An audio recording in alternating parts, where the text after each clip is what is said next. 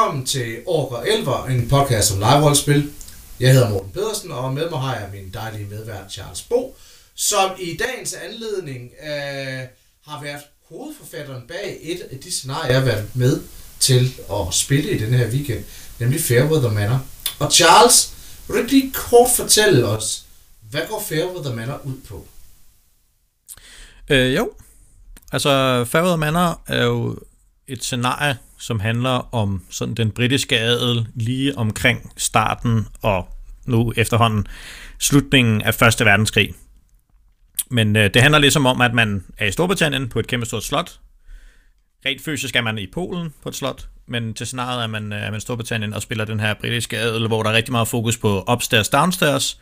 Det er meget inspireret af Downton Abbey, øh, hvor man har, altså du har ligesom de, de adelige, så har du tjenerne, og så har vi alle de her sådan underholdere og folk, der kommer.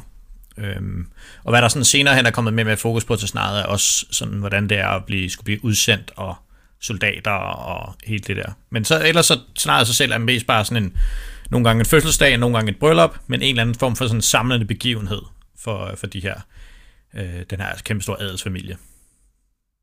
Ja, jeg kan fortælle, at jeg spillede tjeneren til øh, scenariet, øh, og det var på alle måder et, et fuldstændig gribende øh, rollespil. Jeg var, jeg var fuldstændig øh, optaget i, øh, i det at, at være til stede på det her slot. Det er godt nok et slot i Polen, men det er jo bygget i sådan en britisk manner-style. Øh, det er et fantastisk hotel, øh, når det er off-game, og det, øh, man får lov at bo i de her enorme suiter. Vi fik øh, to træretters menuer om dagen, plus en enorm frokostbuffet. Øh, buffet alt sammen i virkelig god kvalitet. Lækker mad, lækker vin, rigeligt af alt.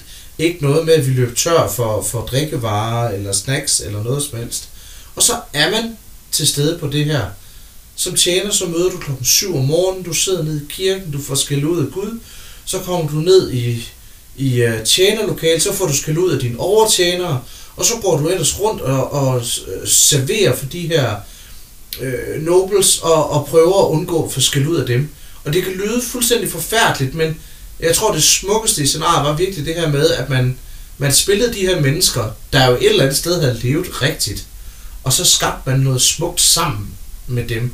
Fik stadigvæk de her små, fine, meget, meget skrøbelige øjeblikke med hinanden, hvor, hvor, man, hvor man sne sig til et kys, hvor ingen kunne se det, eller man, man havde nogle dybe samtaler, sådan et sted imellem alle pligterne. Øh, og jeg kan kun anbefale, at, at man prøver at give scenariet en chance, også selvom det kun er til en tjenerrolle. Der, der har været meget debat om, om tjenerrollerne de var fede eller ej. Jeg, jeg, jeg synes, de var helt fantastiske. Og ja, selvfølgelig skal du servere til, til to gallemiddage, og det er noget af det sjoveste, jeg nogensinde har gjort, fordi det at servere er vildt nemt. Maden bliver bare sat på et bord, så skal du bare hælde ud på nogle andre brugere. Men, men, men hele essensen i, at du kan stå og flirte hen over et, et, et sæt nobles, der sidder ved et bord og flirte med tjenestepil om bagved, eller lige stå og flette fingre uden øh, nogen opdager det, eller snige sig til at øh, bunde tre glas hvidvin øh, i en pause. Eller, der, der er sådan enormt mange øh, små finesser, som viser sig at være enormt sjove. Og så bare med en god dybde i, i det følelsesmæssige øh, spil, og, og i, øh, i de her... Øh, den her første verdenskrigsramme, som på en eller anden måde viser jo, at, at den var jo ligeglad med, om du var noble, eller om du var tjener. Den, den, den vævede bare folk til, til den store krig, og så måtte man jo tage over, og så forhåbentlig ikke dø. Øh, det var meget stærkt. Øh, jeg, det får varme anbefalinger herfra. Ja, nu er det sekseren, jeg havde været med til. Øh, jeg tror, syveren har åbnet noget billetsalg. Det er øh, Jobak Lab Studio, står, står bag det. Øh, og ja, altså, uden det så skal vi helt anmelderagtigt, så i hvert fald en, en god anbefaling. Jeg havde en fantastisk oplevelse. Det var der mange andre, der også havde. Men en ting, der jo ikke var til uh, Fairweather Manor, det er jo rollespilskamp. Der er 0. 0 rollespilskamp og at all. Og temaet for i dag er jo meget passende rollespilskamp. Og Charles, fortæl os, hvorfor har vi rollespilskamp på skemaet? Jamen altså, det var jo... Øh det var noget, der kom for mig sådan rimelig, rimelig oplagt, at, at jeg forbinder rigtig meget rollespil med rollespilskamp. Jeg synes, der er rigtig meget sådan, især når vi snakker kampagne, især når vi snakker der, hvor rigtig mange har startet med at spille rollespil, så har man jo haft så har man været ude i en skov, man har måske været i Harskov, man har måske været ude til første søndag, eller sidste søndag, eller hvad man nu har, har prøvet, hvor man nu har været i landet. Og, øhm, og der har man jo skulle stå med sit, øh, med sit gaffesvær, eller sit latexsvær, og skulle på en eller anden måde stå, øh, stå til kamps og stå til måls over for, for nogle andre rødspillere, som også har våben. Så, så jeg synes bare, det var vildt oplagt at få, få snakket om det. Og så havde jeg en hel masse tanker, som jeg også gerne vil sådan hen i, hvordan at man kan gøre rollespilskamp mega fedt. Fordi på trods af, at jeg nok ikke er den sådan mest kendte rollespilskæmper, og, og heller ikke har kæmpet så meget de sidste par år, så har jeg været med til rigtig meget rollespilskamp, og jeg har været med til en masse scenarier, som havde elementer af rollespilskamp, som jeg synes var mega fedt, øh, som er noget, det jeg også gerne vil prøve at snakke lidt om. Så vi, jeg har sådan tænkt, at vi starter med at snakke lidt generelt om rollespilskamp, og sådan lave nogle introducerende ting til forskellige elementer, som er med i rollespilskamp. Og så kommer jeg hen på, nogle, øh, på, på at snakke lidt om, hvad er det, der kan gøre rollespilskamp sådan virkelig, virkelig fedt. Så. Men inden vi skal sådan have den der store generelle tanke, så er jeg også lidt nysgerrig på, hvad du tænker om rollespilskamp, Morten. Fordi du er jo du er sådan en militærmand.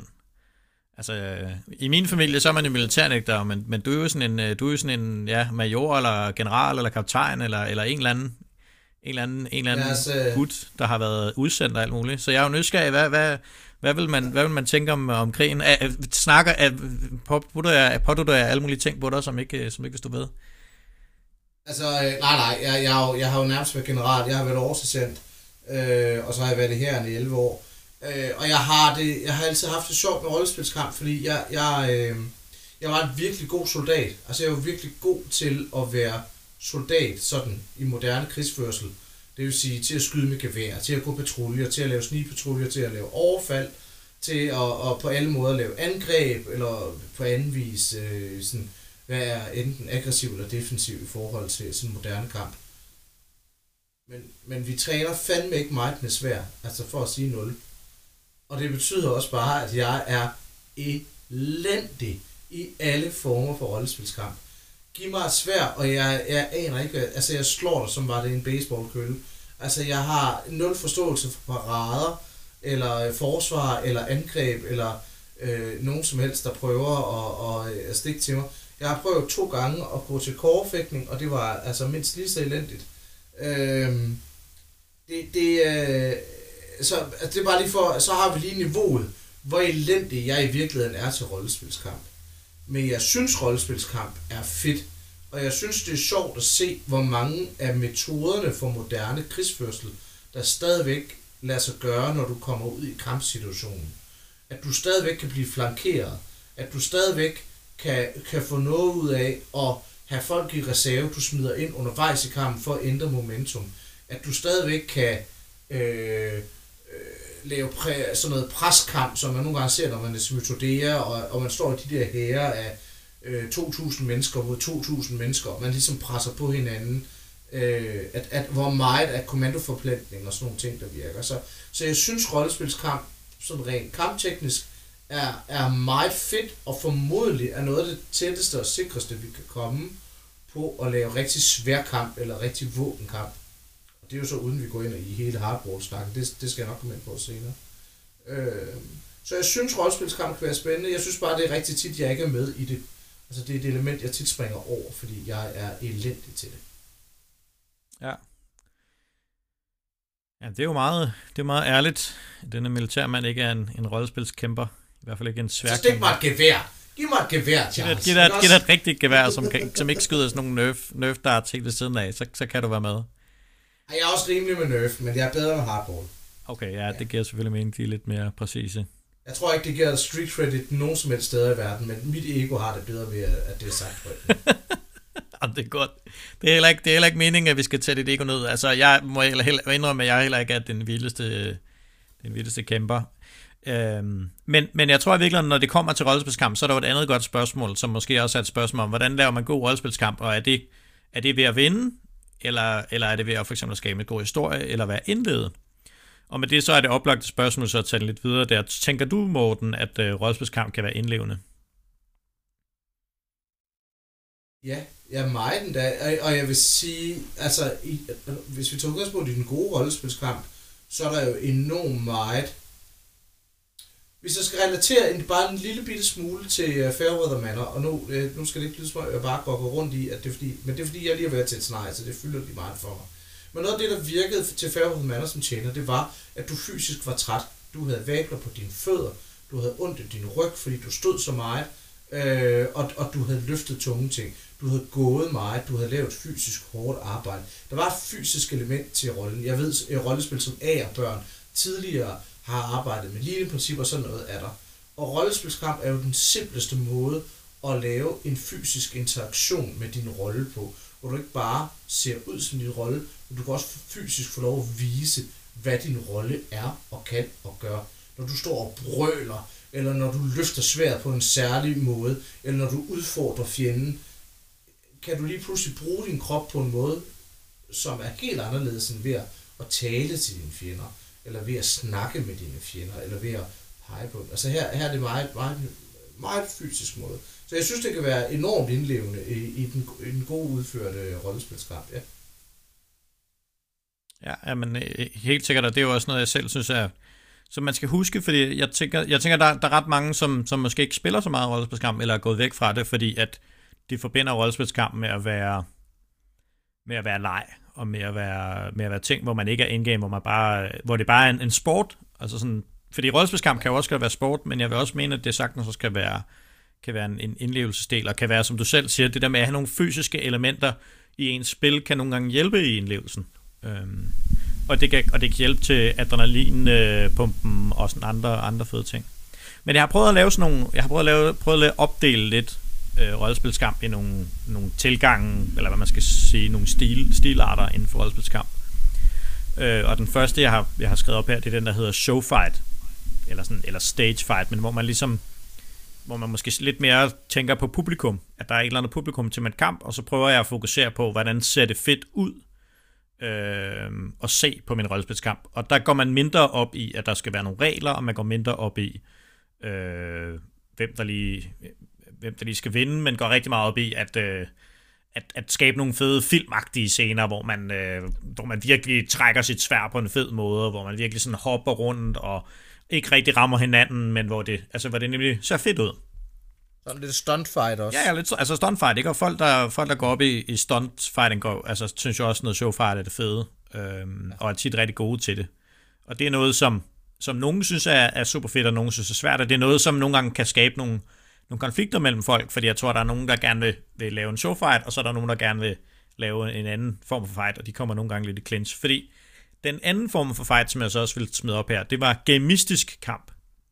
Lidt taget fra, fra sidste gang, hvor vi snakkede om, om gamisme, som er det her med, at man går meget op i reglerne og op i, og at der ligesom er en eller anden form for ramme for, hvordan man gør tingene ordentligt. Øhm, og der er det der, hvor folk, der går op i gamist, øh, gamistisk kamp, går meget op i, at man følger reglerne, men man går også efter at vinde, og der er ligesom en eller anden form for spil, som man kan være god eller være dårlig til. Øhm, og hvor det er ligesom det er vigtigere, det er vigtigere end hvorvidt rollen er god eller dårlig, og hvis rollen er god eller dårlig, så er det fordi rollen har nogle ekstra evner, som viser sig ud i kampen. Altså måske kan rollen øh, har rollen flere KP eller andre ting, som, som giver den nogle fordele, men, men i sidste ende er det den individuelle spillers evne til at slås, eller på en eller anden måde anvendelse af reglerne, der gør, hvorvidt at de vinder. Og hvorvidt at man vinder er, en vigtigt, er et vigtigt element i kampen. Man kan i hvert fald sige, at den, den, den, øh, den vilde del af den her må jo være øh, øh DM i live-rollespilskamp til Forum for eksempel, hvor der er nul narrativ. Der er nul. Du er der kun for at spille rollespil med hinanden. Øh, eller for, for at spille kampen mod hinanden. Der er et sæt regler, og så tæver man hinanden, og så er der nogen, der vinder. Slut. Der er ingen rolle. Der er ikke noget, øh, noget som helst til at pakke det ind. Ja, det er helt klart det, det ekstreme for Gamisten kamp. Øh, det og der er jo andre steder i landet, eller i verden, hvor jeg ved, at det...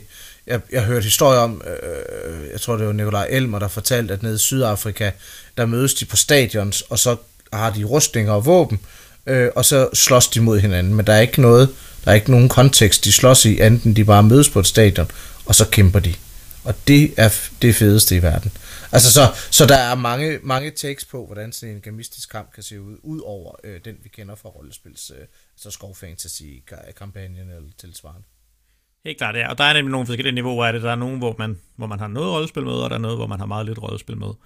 Øh, men, ja, men det er i hvert fald sådan en, det, var, det er ligesom, du prøver ligesom at lave sådan en introduktion til, hvad, hvad, kan man, hvad, kan, hvad, hvad kan vi snakke om, også fordi når vi så refererer tilbage til gamistisk kamp, eller showfight, eller andre former for, for kamp, så kan vi det have en lidt mere spændende snak om det. Øh, men en anden, en anden tilgang til at have rollespilskamp, er det, som jeg kalder sådan nativistisk kamp, eller karakterkamp, men hvor at det handler rigtig meget om rollen, og rollen er ligesom i centrum, og at man fokuserer mere på, vil det give mening rent, historie, rent historiemæssigt, storytelling-wise, at min rolle vinder den her kamp? Eller vil det være en fed historie, hvis... Altså, er det, kunne, der, kunne man forestille sig, at der kunne være sådan en David Goliath-scenarie, hvor at den ene spiller er lidt større end den anden, og lidt stærkere end den anden, men det giver faktisk bedre mening i, sådan, i, i scenen, at den lille karakter vinder, og man har sådan et David Golat øh, moment, øh, og hvor man nemlig sætter, sætter sådan ikke nødvendigvis, ikke nødvendigvis show, eller ikke nødvendigvis at for at være på en scene, og for at, at kampen skal se fed ud, men mere sådan så, at, at kampen har en, øh, en eller anden form for story retning, som er spændende, og det er det, man har i fokus, og hvor at man også, når man selv slås, måske har mere fokus på, har jeg jo lyst til at flygte lige nu. Altså, hvis man, hvis man, hvis man involverer flugt og, og sådan turen slås med i sin kamp, og det, og det er sådan at tage, det at spille skader rigtig seriøst, for eksempel, øh, kunne også være sådan en narrativist kamp. Det er for eksempel, i Sverige går det rigtig meget op i, eller, eller ikke Sverige helt klart, men altså i hvert fald til Krigshjerte, som er sådan en svenske krigslife, som jeg har været med til, øh, der går de meget op i, hvad de har fået af skader i tidligere kampe, og prøver på en eller anden måde at involvere det en lille smule. Ikke at de går rundt og hænker, men at de nogle gange, hvis de bliver ramt det samme sted, så gør de lidt, så prøver de at huske det, og prøver sådan at, at reagere lidt kraftigere på, at de blev ramt det samme sted to gange. Øhm, så det er også ligesom for at sige, at der er nogle forskellige måder, man kan gå til den der kampelementer. Det er måske mere at tale om nogle nuancer, end sådan en helt clean cut. Man kan, ikke, man kan ikke gøre forskellige ting. Selvfølgelig kan man lave en blanding af både at være showfighter og gamist og, og have sådan en, en ja, ja. story mode med. Men det er bare for at sige, at der er i hvert fald nogle forskellige sådan, øh, retninger, man kan, man kan trække det i. Og så den sidste, som jeg har smidt op her, er, er kamp som power fantasy øh, hvor at kampen handler om at være awesome. Øh, og hvor at det, jo, flere, jo, jo, flere, jo flere evner, jo flere vilde ting man har, jo, jo bedre.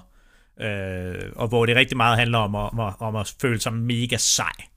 Øh, have et mega sej kostyme, have øh, mega sej evner, have mega sej regler. Men sådan overall, det som har en idé om, at jeg er en rigtig fucking held. Øh, og det, det, det er det, der ligesom er, er i fokus for ens rollespilskamp. Øh, og hvor at, at man måske man måske er tilbøjelig til, hvis, det, hvis man spil, slås mod en gamister, godt kan finde på måske at glemme sin hitpoints lidt, fordi det, virkelig, det vigtige er, at jeg er over som at slås. Altså, så jeg har lidt gjort det som sådan en, som sådan en, en, en den, fjerde, den fjerde form for, for slåskamp, øh, som, som jeg tror rigtig mange måske ikke nødvendigvis vil erkende, at de er med i den gruppe, men, men jeg tror rigtig mange kender i hvert fald folk, der er med i den gruppe. Øh, det tror jeg okay. måske er den mest sympatiske måde at sige det på. Så vil jeg spørge dig, Charles, fordi Prøv lige at starte med at forklare mig, hvordan virker kampsystemet til College of Wizardry? Øh, jamen, til College of Wizardry har vi lidt sådan en, en blanding mellem en showfighter og narrativ kamp, med at øh, når man kaster en magi, så siger man et eller andet, der, man, ligesom, man provocerer on the spot. Så man kaster en magi, man siger for eksempel Protego, og så Protego peger man mod sin modstander med sin tryllestav, og så ved, så ved man ikke rigtigt, hvad der sker, før at ens modstander reagerer på det.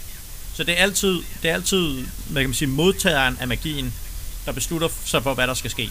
Så jeg kaster et eller andet, jeg siger et eller andet, svinger med min tryllestav, og prøver ja. måske at telegrafere noget med min krop, men jeg ikke, men vi ved ikke rigtigt, hvad der 100% kommer til at ske, før at modstanderen reagerer på det. Øh, jeg tror, at der er nogle gange, hvis man har nogle dueltemer, at de prøver at introducere nogle, nogle sådan meta-regler, eller sådan regler, som gælder i deres dueltemer og sådan noget lignende. Men sådan den overarching måde, at man slås på, eller, eller, eller bruger magi i det hele taget, er for sådan en modtager bestemmer altid. Øh, okay. og, det, og sag, jeg tror, du sagde det lidt i starten også, men hvor vil du placere den i, øh, hvilke af de her kasser, synes du, det, det klikker af nogenlunde?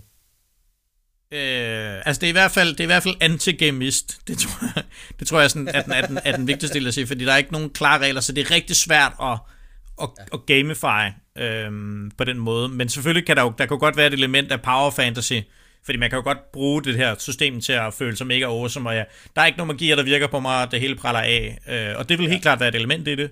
Men samtidig så er fokuset i min bog er jo, at man prøver at enten at lægge sig op af sådan en showfight-mentalitet med, at vi, vi, vi står og har en duel foran en masse andre elever, og så står vi og kaster nogle magier på hinanden, og det vigtige er i virkeligheden bare at finde på nogle sjove magier, som de andre synes er sjove at se på. Øh, alternativt, så kan man gå til det for sådan en karakter, karaktersynspunkt og sige, okay, er min karakter, øh, er min karakter god til at slås magi? Øh, hvordan vil jeg reagere på de her magier? Øh, når jeg hører de her, de her ord, som modstanderen siger, ligger det, ligger det op til et eller andet, der vil være fedt øh, at spille på. Så, så den, er sådan, den er lidt svær at placere i, i den her, øh, i de her fire grupper, men jeg, men jeg prøver så vidt muligt sådan lige at, at gøre det lidt. Også fordi de her grupper er baseret rigtig meget for mig ud fra sådan sværkampsrollespil, ikke? Jo, jo, jo, klart, klart. Og nu siger du så øh, sværkamp. Der er jo også... Øh, der er jo også masser af rollespil, hvor, hvor det jo ikke er svært, men hvor det så er pistoler, eller gevær, eller øh, kanoner, eller noget tilsvarende, man så bruger i stedet for. Ja, helt sikkert. Jamen, der er jo, altså, det er jo også noget, som jeg synes er rigtig, rigtig sjovt, når det er med. Det er jo, når man har guns, for eksempel, øh, som for min første oplevelse med at have sådan pistoler til rollespil og kanoner, for eksempel, har været piratrollespil.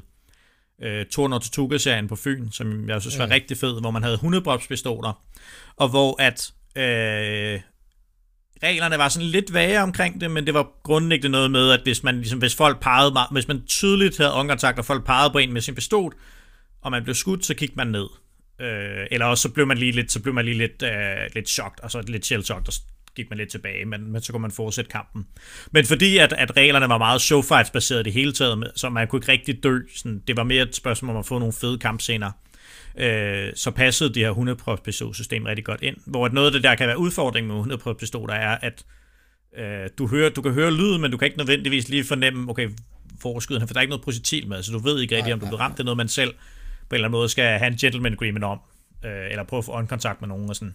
Så det er sådan lidt mere bøvlet, kan det være. Men, men man kan jo også lave projektiler øh, med, så der kan det være, der kan det være nerf, nerf guns er ret kendte, og, og sådan hardball, og softball, ja, eller softball. De der røde gummipistolkugler, ja, alle render rundt med. Øh, på, øh, jeg tror ikke, de eksisterer mere, men de var i hvert fald store der i nullerne. Åh oh, ja. Øhm. Ja, dem kan jeg faktisk ikke huske bedre, men det er rigtigt nok. Edison, ja. Edison Guns eller sådan noget lignende. Ja, det er godt pas. Øhm, ja ja, fordi der, der er nemlig sådan forskellige projektilvåben, og der kan man sige, der ændrer man det jo lidt, fordi der kan man komme tilbage til, at man kan blive ramt, og så kan man meget nemmere introducere for nogle lidt mere klare rammer for, hvis man så bliver ramt, hvad skal der så ske? og så kan man have det lidt mere gamistisk approach. Men jeg tror i det hele taget, når man har guns, at det, øh, det, det, er nogle, at det, det, det bliver en lidt anden måde at slås på end våben, og det er der også rigtig interessant, det er, når man så kombinerer de to, hvor man har våben og guns med. Til krigslife, når man for eksempel har geværregimenter eller kanonregimenter, som så skyder ned på sådan en, et, et regiment med, med stavevåben eller sådan noget. Hvordan skal de så reagere på det? Øh, og det har man jo også sådan i krigslife vurderet gang på gang, prøvet at ændre en lille smule, tweak en lille smule på, hvad for en rolle kanonerne skal have. Jeg kan huske, at mm. til det nye krigslife har der været diskuteret en lille smule om, hvor mange skud kanonerne må have, og der har været sådan lidt uenighed om, øh, hvad, de her, hvad, hvad de her kanoner skal, hvor stort impact de må have. Skal de være nogen, der virkelig slår, har en stor, stor indflydelse, eller skal det være noget, som mest bare er der for at se fedt ud? Øhm, og, og der tror jeg, at dem, der har kanonerne, synes, det er vigtigt, at de har en, en indflydelse. Og dem, der er imod kanonerne, og, øh, synes jo, det oftest det er vigtigt, at kanonerne ikke fylder for meget. Og det tror jeg er et rigtig fint segue til sådan at snakke også om, om, om magi i kamp, fordi at øh, jeg kunne huske, da jeg, spillede, da jeg spillede rollespil, sådan, da jeg var helt lille og spillede rollespil, og man var ude i Harskoven og til Temmers Vestskoven og sådan nogle steder, hvor det var meget fantasy-baseret, så var der jo sådan nogle magikere, og dengang i de tidlige 0'er 90'erne, øh, sådan noget, så har, så har magikere, det var sådan nogle, der gik ud, og så kiggede de på sådan en her, og så sagde de, flammehav, og så kastede de med nogle ris, og så døde hele herren bare. Øh, og det synes troldmanden, der havde den her, der kunne de her evne, havde spillet i tre år, og havde lært alle magierne, han synes, det var mega fedt. Klart. Men, han, dem, men dem, han har formodentlig dem, også dem, der var, dem, der var de 30 mennesker, som så skulle ligge sig ned og, og, og ligge ned i en time. Jeg tror ikke, de synes, det var så fedt. det tror jeg heller ikke. Også fucked up regler, man havde. Altså, vi, jeg kan også huske, altså, der er jo stadigvæk folk, der ynder at kunne recitere øh, smerteformularen, vi havde i Voldheim over i Ribe. Og, altså, på at høre, kampagnen døde for næsten 10 år siden. Jeg kan ikke forstå, hvorfor man stadigvæk kan den, men det kan man. Og jeg tror bare, det er også nogle gange et tegn på, at magikere, de kom med, fordi det var ikke alle, der kunne finde ud af at slås. Og så må man jo være magiker i stedet for. Når man så er sådan en som mig, som ikke kan slås med et svær, og til sin død ikke kan huske noget udenad, så er der altså ikke mange roller tilbage. Men øh, det, det, øh, de traumer kan vi tage i øh, senere podcast. der, var bare, der, der var bare ikke meget at gøre, vel? Der var ikke meget flammehav over mig, og jeg kunne heller ikke få lov at slå nogen med en økse. Øh, sådan er det. Men jeg tror, jeg tror i hvert fald, altså det der med magi og kamp, altså man kan gøre det på rigtig mange forskellige måder, og jeg synes også, at i dag har man, har man formået at finde nogle, nogle bedre kompromiser, hvor man er kommet af med de der, jeg kaster rodnet, og folk skal så stille i en time, og komme over på, og komme over på nogle formularer, hvor at, at jeg har en troldmandsstav, og hvis jeg peger på nogen med min troldmandsstav og siger stå, så virker den lige så lang tid, som jeg peger på folk. Men det var jo opbyggeligt, det skaber, Charles. Det skaber, det skaber, det skaber jo sådan en, det skaber en, en ligesom en gensidighed, at vi står begge to stille så. Altså, det er sådan, og så, så var det ikke en time, for det er ikke nogen, der gider at pege på nogen i en time, der strølstav, vel? Altså, det, Nej. Nej. forhåbentlig ikke. Og hvis de gør, så skal de fandme også næsten have lov. Ja, ja, og, altså. men så er det også det, men så er det også næsten, så er det, så er det, næsten, så er det, også, så er det på en eller anden måde også okay, men, men der hvor det er rigtig svært, det er, hvis der er en anden, der kommer ind og kaster nogle ris ud på folk, og så siger, øh, stå, I skal stå stille i en time, eller sådan, og så går sin vej, ikke? går ned på kronen og drikker øl, ikke? Og det, ej, sidder og vinker ned for kronen, drikker sin øl, og ah, I står stadig stille ude. det, er som, det er som om, at der er kommet en lille smule balancering i spilbarheden af nogle af de her regler, og det er kun godt.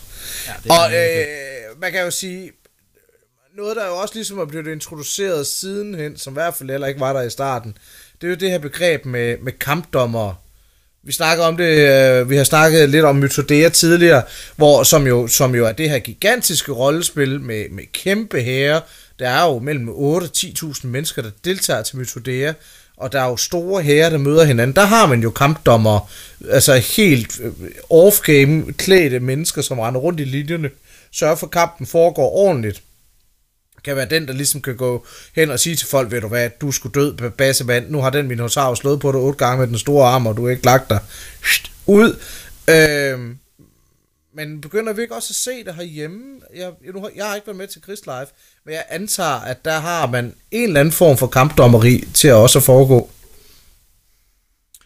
Øh, jeg ved ikke, hvor meget det har været til Chris Life. Det har i hvert fald været diskuteret til Chris Life. Det er der ikke nogen tvivl om, at det har været inde på forumet, og folk har ment det ene eller andet. Fordi der er jo rigtig meget, igen, jeg tror lidt den der tilbage til den med Power Fantasy, der er nogen, der, der, godt, der, der glemmer deres hitpoints måske, er en, en måde at sige det på. Ikke? Øh, og, og, de, og der er nogen, der slås mod dem, og de vil gerne have, at der kommer nogle flere dommer.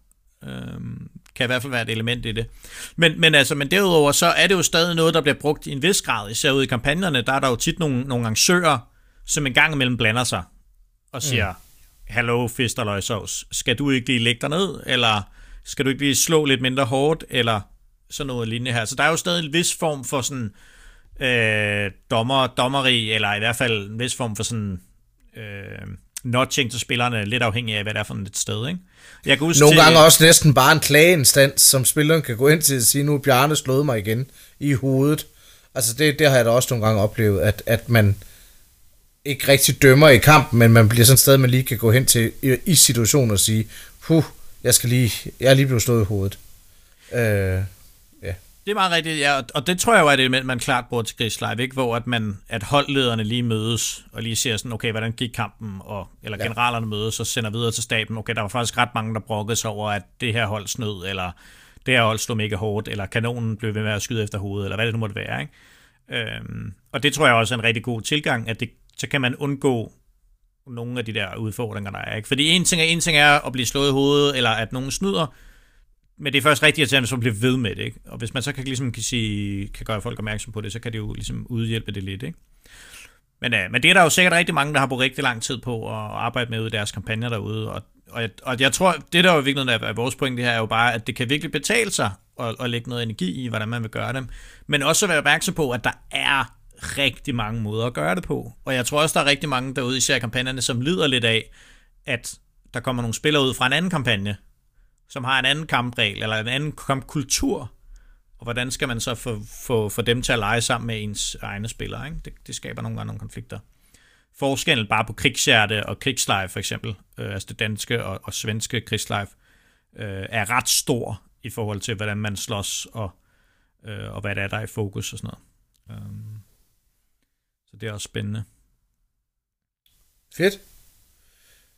Og så vil du jo gerne øh, snakke en lille smule om blankvåben. Ja. og hvordan blankvåben kan bruges til rollespil. Ja, det synes jeg også, det var sådan en ting, jeg lige, jeg lige skrev på også, som jeg synes kunne være sjov at nævne, at øhm, altså jeg har jo, jeg har jo ligesom, øh, jeg har været ude og lave en enactment øh, for en del år siden, var ude på Aarhus Middelaldermarked og, og været på Bornholms Middelaldermarked og nogle andre steder, hvor at man slås med blankvåben i stedet for, og hvor at man faktisk stadig slås, slås lidt, lidt ligesom man gør til rollespil, men bare hvor det er sådan noget, du må ikke slå for hårdt, du må ikke slå i hovedet, øh, prøv at gå efter, altså gå, lad som om du går efter manden, men prøv at ramme deres våben i stedet for. Øh, og, og jo bedre man er til det, jo, jo mere frihed får man til at slås. Øh, og det kan være ret spændende også som, en, som et sådan kampelement, fordi noget af det, der jo er vildt fedt ved at slås med blankvåben, er jo, det lyder så meget federe. mm. Det er sådan lidt ligesom første gang, man slås med, med hundepistoler, det der med, at der kommer et, lyd, et lydniveau ind, øh, som, som giver det en helt, andet, en helt anden oplevelse, er rigtig, rigtig fedt. Så det er også bare for at sige, at, at det er også noget, man kan, man kan prøve at eksperimentere med, om det er noget, man kan gøre. Men det er klart, at, at, at blankvåben øh, bringer jo en helt ny sikkerheds, øh, et helt nyt sikkerhedsniveau på banen. Ikke? Altså der er man nødt til at have meget mere træning og meget mere øh, øh, snak, snak om, hvordan man slås og, og, og, og, og, og, og alle sådan nogle ting, for at det ikke ender i, at folk får hugget hovedet af. Ikke? Øh, eller der er i hvert fald får hvis... sådan ordentlige buller hvis du tager ud af Danmark øh, og rundt i resten af Europa, er der enormt mange scenarier, hvor, det må, hvor, hvor, hvor der som sådan egentlig ikke er kampelementer i scenariet, men hvor karaktererne typisk vil have våben på sig, altså en eller anden form for ridel eller scenarie. Øh, og hvor det så er ret kutume, at det man går rundt med, er rigtige blankvåben, og hvis det kommer til duel, jamen så, så henter man lige sin latexvåben, så kæmper man med dem, men de bliver kun brugt som stand-ins, til, øh, til, øh, i, i selve kampen, og så tilbage til, til blankvåben igen. Og jeg synes bare, det er en sjov kultur, fordi det ser du aldrig i Danmark. Der bruger vi jo til gengæld altså bunker af kræfter på at købe virkelig, virkelig fede øh, latexvåben. Ender bygge dem selv, eller købe de, de, de dyreste af de sejeste, øh, og så flash dem. Øh, hvor jeg tror, at den tyngde af blankvåben vil kunne bringe ved at kunne lægge det på et forhandlingsspor for at understrege en pointe, eller til at kunne provokere. Altså det er virkelig vil kunne noget, som en, en, en skum og gummiøkse bare overhovedet ikke kan. Altså. Nej, nej, helt klart, helt klart. Altså, der, der er du virkelig, der er du virkelig øh, sømmen på, eller hovedet på sømmet, ikke? Det der med, hvordan man ligger sit svær på bordet, har bare en helt anden mm. effekt med et rigtigt svær, end med et rollespilsvær, ikke? Det, det bliver bare slet ikke det samme. Og, og det jeg vil gerne jeg, understrege her, jeg vil gerne lige understrege, Charles, at det, og det er meget vigtigt pointe, at jeg er ikke ude på, at vi nu skal til at armere alle nørderne ude i skovene med blankvåben. Fordi det, det, det, det, det, det ser jeg ikke gå i den rigtige retning.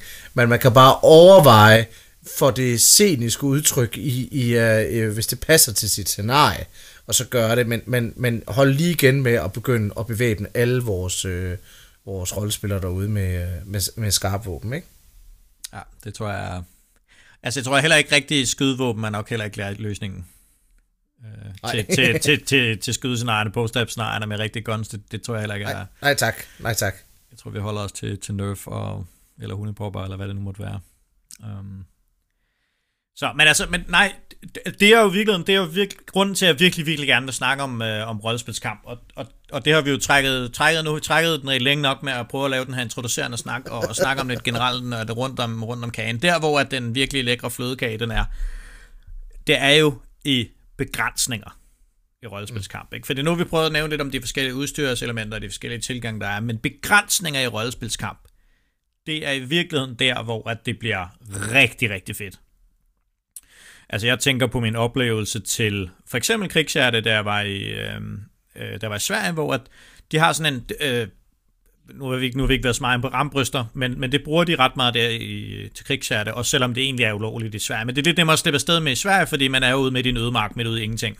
Der er ikke noget politi i, miles, miles omkreds. Øh, så der bruger de, de bruger rimelig meget armbryst der. Øh, jeg tror endda, de skriver det på hjemmesiden, eller også så har de en eller anden aftale med nogen, eller whatever. Men det, der i hvert fald er fedt ved det, er, at den måde, de bruger armbrystene på, er, at øh, de ligesom er benladet, og man bruger rigtig lang tid på at lade den op, og man er nødt til at kigge den ned på, ned på, på der, hvor man har sine fødder, mens man lader den, for at det ikke at fuck det op. Øh, og det, det var rigtig, rigtig sejt, fordi det gav sådan en oplevelse, sådan en, en adrenalinfølelse af, at jeg nu har jeg, og nu har jeg lavet min, øh, min armbryst, nu er jeg klar til at, til at slås, og så skyder man med sin armbryst, og det føles mega fedt, og så pludselig så har man ikke nogen pil, eller sådan nogen bolt på sin, øh, på sin armbryst længere, og så står man lige pludselig og tænker, fuck, jeg skal til at lade den her skide armbryst, og jeg har ikke andet, jeg kan gøre. Folk, de er i gang med at charge imod mig, ikke? Og så skal jeg vurdere, skal jeg løbe, eller skal jeg lade, og, og hvis jeg lader, så bliver jeg måske skudt, og øh, en masse ting, som, som, gjorde, som gjorde, at det her med at ikke bare tænke i, hvordan kan jeg, hvordan kan jeg bruge min bue til at skyde 10 skud, 10 skud i minuttet, men, men mere tænker i, eller, eller 100 skud i minuttet, eller hvor meget Lars Andersen nu kan, kan fyre sted med sin pile. Øh, og men, de drejer i luften alle sammen, ja, og, altså, og de flammer, og ja, det er øh, sindssygt. Altså, Hvis I ikke ved, hvem Lars Andersen er, så går I ind på YouTube lige nu, så finder I Lars Andersen, og så ser I de videoer, og de er fucking sindssyge, nu sagt. Det der, og, og, og, så må I aldrig blive så dygtige til at skyde med burpil. Nej, det er helt vildt. Ej, han, han, er, han, er, han er virkelig, virkelig dygtig vildt. til at, at skyde med hurtigt med, med bue. øhm, men, men, men, nej, men, men det der var pointen der, at hvor det selvfølgelig er mega fedt at kunne gøre ligesom Lars Andersen, så er det også vildt fedt i den modsatte ende af skalaen, der hvor at du virkelig ikke kan særlig meget. Altså jeg kan huske til Dragonbane, hvor at vi havde knive til at slås med, i stedet for svær. Og det, at man har, øh, det ved ikke, 20 cm, eller, eller hvad er det, Øh, 40 cm våben, eller 30 cm, hvor, hvor langt det nu var, i forhold til at have en meters lang svær, det gør helt vildt meget ved måden, man slås på. Man skal pludselig meget tættere på hinanden, det bliver meget mere noget med sådan at, øh, at bryde lidt med hinanden, og holde fast på hænderne, og det bliver sådan en helt anden måde at slås på. Øhm, og det var bare enormt fedt at opleve altså sådan, de, alle de bedste rollespilskampscener, jeg har haft, har altid været sådan nogle, hvor at vi har lidt under en masse begrænsninger, enten få våben, eller korte våben, eller, eller vi kunne ikke skyde særlig tit, eller sådan, vi havde ikke særlig meget ammunition. Til det nyeste Sunfall prøvede vi også at introducere en idé om at have begrænset ammunition med, og sådan noget. Det var lidt, sådan en, det var lidt den samme tanke, det her med at, at sige, når man, altså, jo, det er mega fedt at, at, at være Rambo, Øh, I hvert fald i ens eget hoved, men nogle gange så tror jeg, man, man, man, man, man skaber faktisk nogle sjovere scener ved at, ved, at, ved at være Bilbo og ved at være hobitterne i Ringenes Herre, som, som står med deres små svær og skal prøve at undgå at blive ramt af orkerne, og måske en gang imellem lige rammer nogen i hælene, øh, og, og bruger rigtig meget tiden på at løbe væk fra kampen. Ikke? Jeg tror, øh, og jeg er meget enig, altså jeg sidder, jeg, jeg kommer over fra en hardball-verden, hvor, hvor der ikke er nogen tvivl om, at, at man i... Øh, man i hvert fald i lang tid har prøvet at finde vejen ind til rollespilsverdenen, fordi dem, jeg leger sammen med, er mildsimmerne. Og mildsimmerne er dem, der gerne vil have den militære simulation. De vil gerne have begrænsning på magasinen. De er ikke interesseret i at købe de nye 300 skuds magasin til deres gevær. De vil have 30 skuds magasiner, der fylder noget, og som de skal skifte undervejs. Og så vil de have rollespilselementer, fordi de ikke de vil være, de er ikke interesseret i kun at plukke hinanden, de er interesseret i at være i en setting, hvor det at have et våben kan gøre noget, og så hvordan man bruger det her våben. Øhm, og det kan lyde helt fjollet, når vi sidder som rollespillere i den ene ende, og tænker, åh oh, ja, det kan da bare skrive her ud af. Men for dem er det noget meget særligt. For dem er det noget, noget ret specielt. Øh, og det, det, det synes jeg bare er... Øh, jeg, tror, jeg tror i hvert fald det der med, at man, man bevidst begrænser sig selv for en højere indlevelse det får de noget ud af over i mildsimmerne kontra de almindelige hardballere. Øh, så, så, så ja, en varm anbefaling til også at prøve at arbejde i den ramme i, øh, i rollespil, ikke? Jo, jo, fordi der, der, der er virkelig mange måder, man kan gå til det på, og der er rigtig mange niveauer, hvor man kan tænke i de her begrænsninger. Altså, jeg havde en, en helt fantastisk oplevelse til, til Helteakademiet for mange år siden, hvor at, øh, at vi skulle, øh, vi sådan gik gennem skoven, og vi var de her sådan elever på en helteskole, Øh, og vi går gennem skov, og, og på vejen op, at vi, vi har fået at vide, at vi skal, tage det, vi skal, vi skal gå ind i sådan våbenkammeret for at få udstyr, og vi er klar til, at vi skulle redde en eller anden, der var blevet kidnappet. Øhm, og jeg tror, jeg fik, jeg fik en lille smule rustning på, og, der, og det hele den der scene, hvor vi kommer ind i det her rustningskammer og, og våbenkammeret, den var sådan lidt øh, uh, enemy at the gates. First man gets a rifle, second man gets a, a set of bullets. When the second man uh, drops his rifle, uh, the second man takes his, takes his rifle and gets a bullet. Hvordan det nu er, de siger det i film. Jeg kan ikke huske den præcise... Fuldstændig, fuldstændig spotless. men, fuldstændig spotless, men, Charles. Men det der, er, det der er i hvert fald er pointen er, at, at da vi stod i det her, da vi stod i det her lærer, der var ikke nok til vi alle sammen. Der var nogen, der kunne få lidt rustning, der var nogen, der kunne få et skjold, der var nogen, der kunne få mm. et kniv, der var en, der kunne få et svær, uh, der var en, der kunne få en, en lanterne, så vi kunne lyse med. Og det gjorde lige pludselig, at da vi så kom ud og skulle slås med de her NPC'er ude i skoven, som jeg faktisk tror var Monster Crew. Prep til Mosaku, ja. like vores channel, øh, så var det, alle vild, det var en helt vild fed kamp, vi havde med det der Monster Crew NPC gruppe der til heller ikke med, fordi at vi, vi fik ligesom dannet sådan en cirkel, hvor vi skulle, vi skulle sådan flygte, vi fik reddet den her person, og så skulle vi have personen tilbage til vores, til vores lejr eller vores skole, så fik vi dannet sådan en beskyttelsescirkel, hvor vi så havde nogle folk inde i midten, som bar vores lærer. Vores lærer var blevet, øh, var blevet såret, så han kunne ikke slås, og havde givet sværet til en af eleverne. Og så alle os andre elever, så nogen skulle hjælpe med at bære nogen, nogen skulle sådan holde nogen i nakken og sørge for, at de ikke faldt over stenene på vej ned baglands og bakken. Og, øh, man, blev sådan et, man fik en helt anden holdoplevelse af den her kampsituation øh, hvor at nogen pegede, hvor man skulle, hvor man skulle hen af, og nogen sagde, at derovre er der, en, at der kommer der en trold, eller der er der en, der er der en zombie, eller monster, eller hvad det nu var for nogle, for nogle væsener.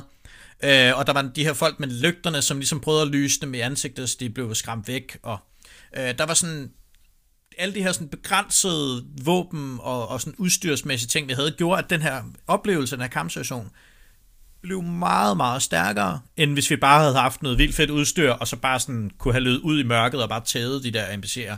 Eller de bare kunne have taget også, ikke? Men det blev pludselig så sådan en, vi kan kun lige præcis overleve den her, den her oplevelse. Og det blev sådan helt sådan en, en filmscene, hvor vi sådan skal ned ad den her bakke, der blev ved med at komme sådan tre, tre orker fra den ene side, og tre orker fra den anden side.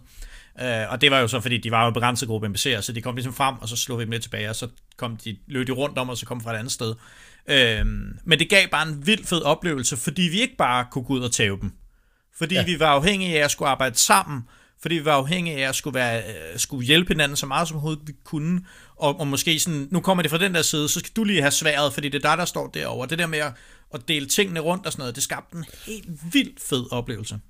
Så man kan sige, det er jo på en eller anden måde, at det jo, hvis vi tager det fysiske element, som i forvejen er, er noget af det fede ved kamp, og så lægger begrænsningen oveni, så, så får du ligesom sådan et ekstra lag af adrenalin, og et ekstra lag af, af indlevelse, og et ekstra lag af, af sådan en, en sense of urgency, altså I skal, I skal igennem det her, altså det, der, der bliver kampen jo brugt godt til, fordi du, du, I skal stadigvæk slå på nogen, Altså fuldstændig en til en, som man også triller rundt og gør ude i Harskoven. Men, men I har ikke selv nødvendigvis valgt præmisserne, eller gearet, eller, eller rammerne til at gøre det. Og det, og det, og det, det, det, det, det forstår jeg er meget fedt. Jeg kan godt tænke mig at gå tilbage til det første spørgsmål nu, hvor vi ligesom har... Øh, øh, har ligesom prøvet at line op sådan forskellige aspekter af kamp og sådan noget. Øh, ej, faktisk mangler jeg lige at spørge dig om en ting, Charles, og det er, hvad har, hvad har Knudepunkt skrevet om øh, rollespilskamp? Har de skrevet noget om rollespilskamp? Øh, det er et godt spørgsmål. Uden at du sådan lige skal svare på hele, alle Knudepunkts vegne. Men det virker ikke til, at du sådan har jeg tror, hævet der, den ene artikel frem efter den anden. Nej, der, der, er ikke, der er ikke så meget knudepunktsmateriale om det. Så jeg tror, der er der har været nogle få, der har skrevet lidt om, om deres øh, fantasy-rollespil med noget, med noget kamp, men, men det har ikke været sådan, kamp har ikke været fokus. Det er ligesom, at der heller ikke har været så meget sådan deciderede tekster, man baserer. Altså, der er nogle af de der sådan små lavpraktiske, lavtekniske måder at spille på, som ikke er så, øh, ikke er så, øh, så talt om. Men jeg tror også, det er et spørgsmål om, at det måske mere er, øh, er sådan lidt, lidt, sådan en, lidt, lidt større teorier, man, man prøver at, at begive sig med, og mindre sådan praktisk ting, men jeg tror sagtens, man, jeg tror sagtens, man kunne tage nogle, der er jo den her, altså dekotomierne med at have showfight og gemistisk kamp og dervistisk kamp, altså det, den idé er der jo stadig, den vil man bare putte ned på sådan af alt rollespil, og ikke kun kamprollespil, ikke? Klart, øh, så der klart. er nogle af de her elementer, som vi har med her, som jo også er med i knudepunktsdebatten. Den er bare lidt mere generel og lidt mindre fokuseret specifikt omkring kamp. Så vi tager jo lidt og låner noget af, af dekotomien fra, øh, fra knudepunkter og bruger her, ikke? Jo, jo, jo. Nå. Og man kan vel også, man kan vel også, altså, øh, man kan jo også sige, at hvis man tog nogle af de knudepunktsartikler, der netop er skrevet omkring det her med øh, de fysiske aspekter i rollespil, det vil du lynhurtigt også kunne applikere ned på, øh, på, øh, på, på rollespilskamp og så videre. Jamen, så, så, så lad mig prøve at, øh, at, at, at træ, trække den hele vejen rundt, så øh, og lige prøve at spørge igen, hvis nu rollespilskamp skulle være mere indlevende, og vi ligesom har legnet de her forskellige ting op, de her forskellige aspekter, vi ligesom har løbet igennem, er der, er der, nogle, er der nogle ting, vi ligesom kan, kan hive frem nu, hvor vi kan sige, okay, det her, det vi i hvert fald for, for Charles kunne give en enorm spændende rollespilskamp. Det vil være en fed rollespilskamp. Og, det er jo, og, og her vil jeg gerne bede lytterne om endnu en gang at blive mindet om, hvor elendig Charles han er til rollespilskamp. Øh, fordi det har han faktisk ikke snakket... Jeg har snakket enormt meget om, hvor elendig jeg er til rollespilskamp. Men Charles er jo også virkelig elendigt. Ellers så bliver man ikke magiker. Sådan er det. Nej. Øhm, Nej, man, man, laver ikke, man laver ikke, Eller får man laver ikke. Call of Duty, hvis ikke det er, fordi man er dårlig til sværkamp. Det, det, det tror jeg. Det var min primære, det var min primære motivation for at lave Call of Duty. Et scenarie, hvor man ikke har, hvor man ikke har sværkamp. Det er, Ja, ja, det er derfor, vi er venner. Øh, men, men altså indlevelse, jo, jo, jeg, og jeg synes, det er godt at, jeg synes, det er godt at tage det op igen, fordi nu, det er jo, det er jo jeg tror, det er enormt essentielt, og jeg, og jeg tror, at det, jeg prøver at snakke lidt om, det er det her med at have en dramatisk kurve. Fordi hvis vi ser nogle fede sådan øh, krigsfilm eller sådan noget, så er der tit sådan en med, at de, de starter ud på, en eller anden, på et, eller andet, et eller andet stadie, og så kommer de jo hele tiden ud på nogle nye stater. der bliver hele tiden introduceret nogle nye elementer i kampen. Og det er det, der gør, at det sådan får den der sense of urgency, som du selv snakker om, med at når man, så på det her tidspunkt, så er det, så er det sniperen, der er i fokus, eller på det her tidspunkt er det lægen, der er i fokus, eller på det her tidspunkt er det, øh, så kommer der en kampvogn, og så hvad, hvad gør de nu, ikke? Og, og, og, og det kan være svært til rollespil at, at introducere en hel masse større ting, kampvogne, fly, øh, kæmpe store eksplosioner, det kan man gøre til nogle rollespil måske, men hvis man i stedet for at tænke i kampvogne og drager og kæmpe store ting og, og have tusind monstre, så i stedet for at tænke i, hvis du vi begrænser vores spillere, så vil det føles som om, at når vi, når vi giver dem et svær halvvejs under scenariet, giver dem et, når, de, når de bliver opgraderet fra at stå med en kniv til at stå med et svær, øh, så føles det vildt fedt. Øh, det giver både sådan en, en, en power fantasy oplevelse, men det giver helt klart også sådan en, en, en, en udvikling i rollespillet. Det giver sådan en dramatisk kurve, men nu, nu kommer vi op på sådan et, nu, nu, nu bliver det alvor, ikke? Øh, og det tror jeg kan virkelig hjælpe med indlevelsen, hvis man prøver at tænke i sådan nogle, øh, i sådan nogle progressions i ens spil, ikke? Øhm, og Er, tænk, er, vil, det- vil det også være den måde, man kunne gøre kamp fedt for dig på? Altså, eller for os, så nogen, så, så nogen som os, der ikke kan finde ud af at slås med svær. Kan rollespilskamp være fedt for os? Altså for at gå tilbage til den der, jeg snakkede om tidligere for Helle Akademiet, der, var, der havde vi jo nogle folk med, som ikke havde våben, men som synes, det var den fedeste scene, fordi at de så, i stedet for at stå med et svær, så kunne de stå med en lygte og, og skræmme monstrene væk, eller de kunne stå og holde fast i nogen, eller de kunne prøve at lappe nogen sår. Altså det der med jo flere forskellige nuancer, man introducerer ja. øh, i rollespilskampen, og jo mere man sætter dem på, på ligeværdigt niveau, jo federe er det for folk at med. Fordi jeg tror, det, det, er en, det kan muligvis er det mindre spændende at være læge til krigslive, hvor at, at, at 99% af spillerne bare er der for at slås, øh, og så er der 1% lægehus, så er der nogle få lægehusfolk, som ikke rigtig har så meget fokus. Men hvis man, hvis man prøver at, at, at begrænse den, ikke, jeg siger ikke, vi skal noget med, vi laver om på krigslive, men i hvert fald, hvis man laver et nyt, nyt øh, kampscenarie, eller har kamp i sin kampagne, så prøv at tænke i, hvad kan man introducere andre elementer. Ligesom når man introducerede troldmanden til dem, der ikke kunne slås, kan man, kan man ja. introducere ja. andre roller i, i kamp, kampelementerne. Og det er jo sådan et aspekt, vi ikke rigtig har berørt i det her afsnit. Det er jo de her supportroller, der nogle gange understøtter kampen. Altså, det er healerne til Mythodea, eller det er troldmændene, eller det, det, det, det, det er alle de der elementer, der er ved siden af kampen, eller, øh, eller med kampen. Og de har, de har jo en tendens til at blive glemt. Altså, det bliver sådan et to spil, hvor der enten er, øh, du ved, der er kampen, og så er der nogen, der er seje i det, og så er der ikke kampen, som er resten af rollespil, og der er nogle andre, der er seje i det øh, hvor de bedste kampe er jo der, hvor alting flyder lidt sammen. Alle har en funktion, og så kan det godt være, at nogens funktion er at stå og banke de andre med nogle store svær. Det er fint nok, men hvis du også føler, at du også er vigtig, hvis de ikke kan øh, tåle at stå og slå i linjen særlig længe, uden at du er der og hjælper dem, eller holder nogen andre væk, det der med at engagere folk på mange forskellige niveauer, det kunne jeg godt ønske mig, man, man kiggede mere på i, øh, i øh, også bare i almindelige skov, skovkampagne derude. For det, der, der er masser af folk derude, som ikke kan finde ud af at slås, men som vil vildt gerne være med i kampen derude. Og det kunne man godt tænke mere i. Ja, jeg tror, at, altså, hvis man skulle have en eller anden form for afsluttende kommentar på det, så ville det være at sige, sørg nu for at have en grund til, at de slås. Mm. Altså have, have en eller anden form for sådan storymæssig, eller, eller, eller en eller anden ting, hvor det giver mening i historien. Hvorfor er det, vi har den her slåskamp lige nu? Altså hvis, jeg, hvis, jeg, hvis min rolle, hvis det giver mening for min rolle, hvorfor vi slås lige nu, så er det indlevelse. Men hvis jeg sidder og tænker, lige nu slås vi bare, fordi der er nogen, der gerne vil, vil, vil, vil fægte med deres svær, så er det rigtig svært for mig at leve mig ind i det. Men, men hvis jeg har forstået, hvis jeg har en eller anden form for historie, en eller anden historie i, hvorfor vi er i den her slåskamp, er det fordi øh, orkerne har været i en, en lang konflikt med elverne, og nu har det optrappet sig til det niveau, hvor vi er nødt til at være i en, i en, en svær, svær konfrontation. Øh, eller sådan noget stil. Hvis man får det niveau på, så bliver det bare en, en, en, så bliver det, tror jeg, for rigtig mange en fed oplevelse. Selvfølgelig er der dem, der bare gerne vil slås, og, og de skal være mere end velkommen. Øh, men jeg tror, man kan få flere folk med, hvis man tænker, at der skal være en årsag til, at vi slås. Og man kan også være lidt hård at sige, hvis du kun tager med til rollespil for at slås, så have det mindste høfligheden til også at lade, som om du gider være med i rollespillet. For vi andre, vi står og er med i rollespillet, og skal vise dig den høflighed, at vi synes, det er fedt, du slås. Så altså, der skal jo være en eller anden form for, for fælles symbiose. Det er noget, vi skaber sammen her. Og jeg tror, at vi øh, lader det være de sidste ord i det her afsnit. Øh, tak til Charles Bo. Han har øh, proppet en masse indhold ind i det her afsnit. Jeg har været til Fairweather, så jeg har lavet 0. Øh, og øh, ja, vi er glade for, at I har givet det sidde og lytte til de to største kampanalfabeter, der eksisterer i dansk live-rollespil. Vi kommer gerne ud og øh, nægter at give demonstrationer af vores svære evner i øh, andre kampagner. Øh, og husk endelig, at I kan følge os på Facebook, I kan følge os på Instagram, og I kan gå ind og donere penge til os på tier.dk. Og vi glæder os til vores første december afsnit, hvor vi kommer til at have en gæst. Gæsten afslører vi senere, men det bliver en kvindelig rollespilsforfatter. Så kan vi lade den svæve der. Yes, Charles, tak for i dag. Selv tak.